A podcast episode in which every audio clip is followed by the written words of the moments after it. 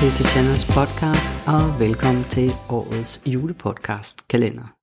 Lov nummer 16, Tryllestavens afsløringer. På et tidspunkt i slutningen af mit uddannelsesforløb til øh, gestaltterapeut, sad jeg en dag i min kvindeterapeuts lille terapirum i hendes hus i Hornbæk og gennemførte et af de sidste obligatoriske terapitimer. Jeg tror, at hun var lidt frustreret med mig. Jeg kan ikke huske, hvad seancen konkret handlede om, men jeg har formodentlig beklaget mig. Og da vi befandt os i slutningen af forløbet, har beklagelsen nok handlet om det spørgsmål, som havde været helt umuligt for mig at få has på. Hvordan jeg fik glæden tilbage i mit liv. Hvordan jeg genfandt og især fandt ud af at tage min livskraft tilbage. Det var sådan, jeg formulerede det dengang, for selvom jeg havde talt og undersøgt stort set alle mine relationer, livssituationer og bredt mine livsmønstre ud, havde jeg stadig oplevelsen af at sidde fast i et bur og kigge ud på livet. Jeg vidste godt, at den eneste, der kunne fjerne træmmerne, var mig selv. Jeg havde bare ingen anelse om, hvordan jeg skulle bære mig ad. Og helt ud af det blå, så spurgte terapeuten, hvis du nu havde en tryllestav og kunne ønske dig hvad som helst, hvad ville du så gerne have?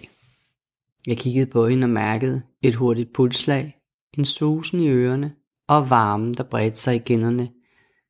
Jeg havde helt samme oplevelse, som var jeg til eksamen, uden at kende svarene. Jeg åbnede munden og hørte mig selv svare. Jeg ved det ikke. Jeg havde ikke den fjerneste idé om, hvad jeg selv havde lyst til. Mit liv var fyldt op af gøremål, hvor jeg var og gjorde noget for andre stort set hele tiden. At det skulle være tilladt at ønske noget for sig selv, og måske ligefrem forvente eller forlange noget for sig selv, var ikke noget, jeg for alvor havde givet mig selv lov til, som i nogensinde. Så selvom hun så kæk gav mig en tryllestav, havde jeg intet svar. Jeg var helt slukket. Og det gjorde mig samtidig uendeligt trist. I stedet for at acceptere, at det var sådan, jeg havde det lige der, at jeg ikke kunne mærke, hvad jeg selv havde lyst til, jamen så følte jeg mig faktisk blot endnu mere forkert. Og senere, langt senere, gik det op for mig, hvad det hele handlede om. Hvor min livskraft var forsvundet hen. Jeg havde deponeret den i fortiden og i fremtiden.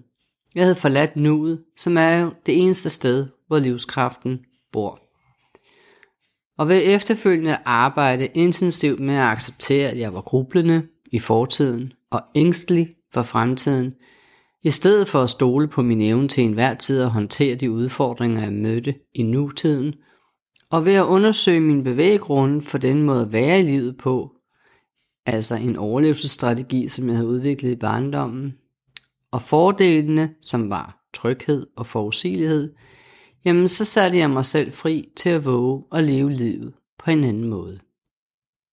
Våge at leve livet for at værdsætte i dag og forandre bekymring og tristhed til ro og glæde.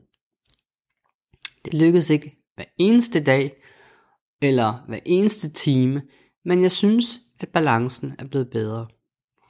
Jeg er blevet bedre til bevidst at vælge gøremål og oplevelser, som gør mig glad og selvom jeg ikke kender udfaldet, og ikke på forhånd ved, om jeg overhovedet mestrer det, jeg kaster mig ud i, i tillid til, at læring er en proces, og at livet leves et lille skridt ad gangen.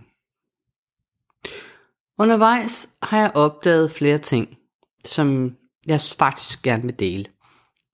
Jeg har opdaget, at jeg har meget mere personlig styrke, end jeg troede. Jeg har styrke til at håndtere det meste af det, livet smider i hovedet på mig i nuet. Jeg har opdaget, at det er okay at bede om hjælp til det, som jeg ikke selv kan finde ud af, og at jeg ikke behøver at være perfekt, og for øvrigt nok heller aldrig bliver det. Det fjerner faktisk det meste stress. Du sidder nu og tænker, ah, har hun ikke allerede berørt de her emner i det tidligere afsnit? Jo, du har ret. Og det er faktisk heller ikke det, som det der afsnit handler om. Det er nemlig det med tryllestaven, som jeg synes er interessant. Bare på en anden måde. For hvad nu, hvis man rent faktisk godt kan ønske sig noget bestemt i livet? Kan man så få det? Kvantefysikken siger, at vi kan. Kvantefysikken siger, at vi skaber vores liv og virkelighed med vores tanker, følelser og overbevisninger, fordi enhver tanke udsender energi i form af elektromagnetiske bølger fra hjernen, ligesom hjertet sender elektromagnetiske bølger fra hjertet. Fra kvantefysikken ved vi, at alt er energi, og at vi derfor alle er forbundne. Vi har alle en personlig frekvens, som afhænger af vores DNA. Energier påvirker hinanden, og universet spejler vores tanker og følelser. Du bør derfor være meget bevidst om, hvilke overbevisninger du har, og om de svarer til det liv, du ønsker dig. Ellers må du i gang med at rydde op i dem, hvis de ikke længere understøtter det liv, du ønsker at opnå. Tænker du derfor, at du fejler, skaber du faktisk situationer, hvor du fejler. Tænker at du er succesfuld, bringer du det lettere ind i dit liv. Det er noget, som du kan træne. Det er at skabe dit eget liv for glæden, i stedet for for frygten. Der kommer meget mere om det senere. Men hvad ønsker du dig? Har du egentlig nogensinde sat dig ned og tænkt tanken helt til ende? Hvor ender den tanke egentlig henne? Ender den i en ny bil eller et nyt hus? Eller ender tankerækken et helt andet sted? Prøv at forestille dig, at du kan få lige hvad du vil have. Hvad vil du gerne have? Flere penge? Og hvad så? Hvad vil du bruge dem til? Og hvad så, når du har den nye bil, det nye hus ved vandet, det nye tøj og de dyre smykker? Hvad så? Da jeg sad i terapirummet og ikke engang havde lyst til en ny bil eller et nyt hus, skyldes det en klar vidshed om, trods alt, at det i sig selv ikke vil bringe mere glæde ind i mit liv. Så hvad bringer glæden ind i dit liv? Hvad gør dig glad? Hvad skal der til, for at du oplever daglig glæde? Er det noget udefra? Eller er det et skift i den måde, du er i livet på? Jeg tror, at det helt store skift i verden kommer, når vi alle fra barns ben lærer at vende vores opmærksomhed indad og dagligt etablere en kontakt til vores krop og sjæl og mærker os selv i livet igen.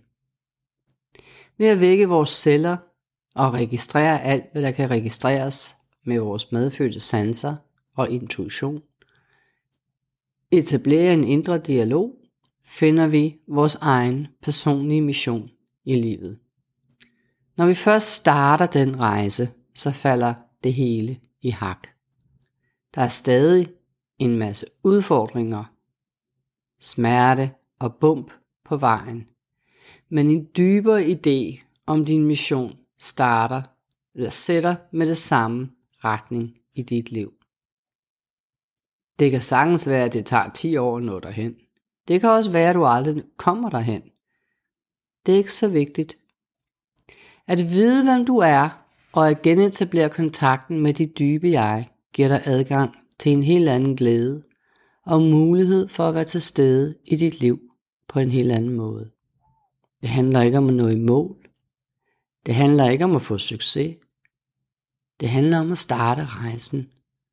Rejs indad og undersøg dit eget himmerige. Se om du kan bruge bare lidt tid hver dag på at flytte din opmærksomhed og dine tanker derhen. Se, hvad der kan ske. Tak fordi du lyttede med.